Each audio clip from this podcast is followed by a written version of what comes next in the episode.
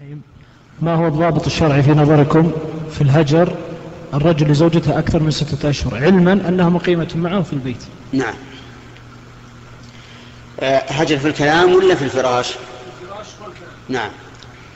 أما في الكلام فلا يجوز لأحد أن يهجر أخاه المؤمن فوق ثلاثة أيام.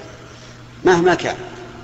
زوجة أو قريب أو صاحب أو رجل شارع.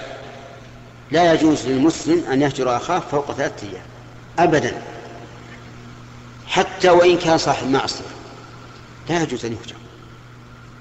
لأن النبي صلى الله عليه وسلم قال لا يحل لأحد أن يهجر أو قال لمؤمن أن يهجر أخاه فوق ثلاث يلتقيان فيعرض هذا ويعرض هذا وخيرهما الذي يبدأ بالسلام.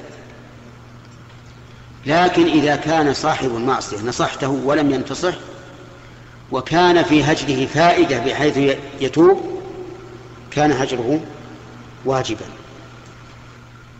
فالهجر إذن دواء. متى كان مفيدا فليتقدم إليه وما لم يكن مفيدا فلا. فإن قال قائل أليس النبي صلى الله عليه وسلم هجر كعب بن مالك وصاحبيه هلال بن أمية ومرارة بن الربيع بن الربيع. فالجواب بلى ولا؟ طيب الجواب بلى هجرهم. لكن هل أفاد هجرهم؟ نعم أفاد. فائدة عظيمة. قال الله تبارك وتعالى وعلى الثلاثة الذين خلوا حتى إذا ضاقت عليهم الأرض ما رحبت وضاقت عليهم أنفسهم وظنوا أن لا ملجأ من الله إلا إليه. كل هذه تدل على أن الرجال تأثروا ثم تاب الله عليهم ليتوبوا. إن الله هو التواب الرحيم.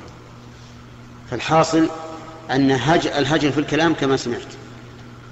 هجر المرأة في فراشها. بينه الله عز وجل في القرآن أكبر بيان. فقال واللاتي تخافون نشوزهن فعظوهن واهجروهن. اقرأ. اهجروهن. في المضاجع ما قال في الكلام. واضربوهن. فإن أطعنكم وقمن بما يجب فلا تبغوا عليهن سبيلا. وإذا كنتم أعلى منهن درجة فاذكروا علو الله. فلا تبغوا عليهن سبيلا. أكمل الآية. إن الله كان عليا كبيرا. فهذا هو الطريق. فلا يحل له أن يهجرها في الفراش ستة أشهر ولا أربعة أشهر ولا أقل من ذلك إلا إذا بدر منها نشوز لم تتب إلا بذلك.